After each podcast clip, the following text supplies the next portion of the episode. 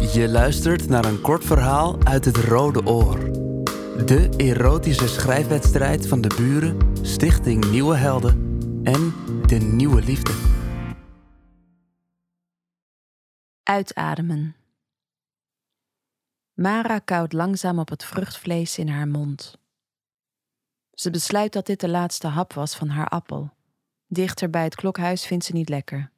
Het doet haar te veel denken aan de boom die weer uit de appel zal groeien en aan de boom waar die vanaf kwam. Te veel hout. Haar vingertoppen plakken.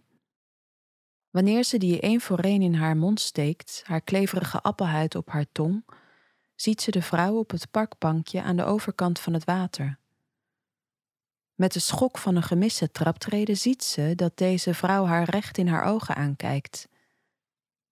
Niet per ongeluk, zoals je blik even op iemand valt die in je blikveld opduikt, maar doelgericht. Alsof ze eerder al gekeken had en nu zoekt naar haar gezicht, de aanraking van haar ogen. Mara merkt dat ze is stilgevallen, haar middelvinger tussen haar lippen. Wat een paar seconden geleden nog een manier was om de plakkerigheid van haar vingers af te krijgen, is nu een zwoele verleidingsmethode geworden. Cliché, maar krachtig. De vrouw schuift heen en weer op haar bankje en ademt uit.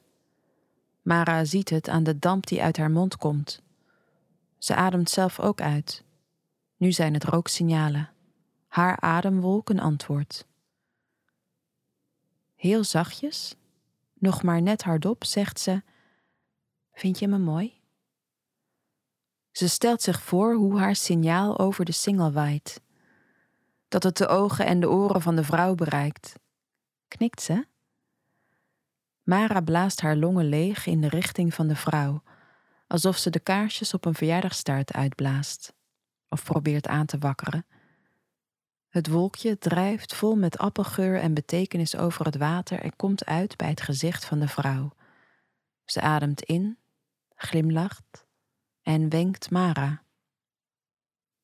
Mara zet de tijd even stil, bekijkt de vrouw, een personage in een film dat niet weet dat ze bekeken wordt door een publiek, niet als de acteur op de set. Ze heeft lang donker haar, bijna zwart het glanst in de lage zon. Een jas als een vacht, nee, als een klassiek meubelstuk. Harde lijnen, sterke structuur, zacht, maar stevig. Haar gezicht met diezelfde monumentale hoekigheid. Symmetrisch, leeftijdloos. Ze zou halverwege de dertig kunnen zijn, of bijna zestig. Dat kan Mara niet goed zien vanaf haar bankje. De huid van de vrouw lijkt zo glad dat ze haar vingers eroverheen wil laten glijden. Over haar wangen, haar lippen, haar hals, haar kaaklijn. Nu ze eraan denkt, voelt ze het al bijna in haar vingers en haar buik. Ze zou willen dat ze beter kon zien hoe de vrouw zou voelen onder haar vingertoppen, die net nog in haar eigen mond staken. Ze heeft meer detail nodig om het zich voor te stellen.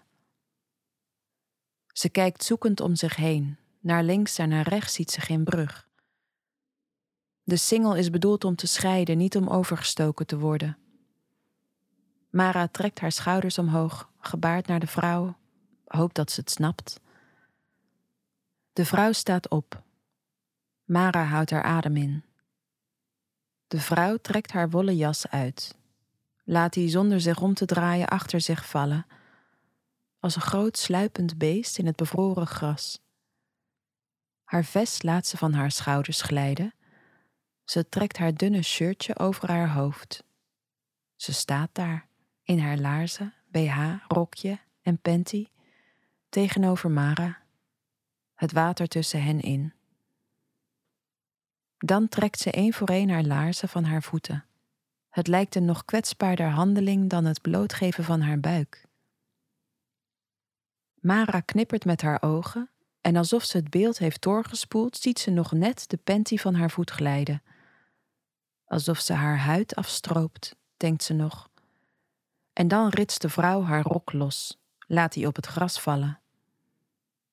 Even staat ze tussen haar kleren, alsof ze ermee gevochten heeft, Mara ziet in een flits hoe zij zelf uit haar kleren kruipt elke avond, hoe ze zich dan voelt als een kind dat haar volwassen huls aflegt. Deze vrouw is ook zonder kleding volwassen. Vrouw. Dit is een mens dat vrouw is zonder huls. Vrouw in ondergoed.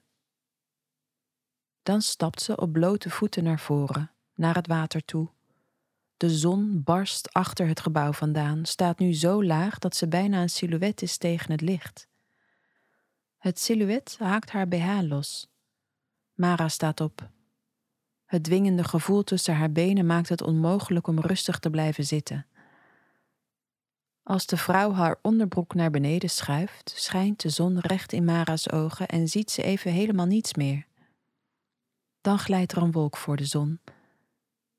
En is er alleen het gras, het water, het bankje, de smaak van appel op haar tong. Ik ben Else May Averill en dit verhaal is geschreven door Eelkje Christine Bos, een van de deelnemers van het Rode Oor 2021.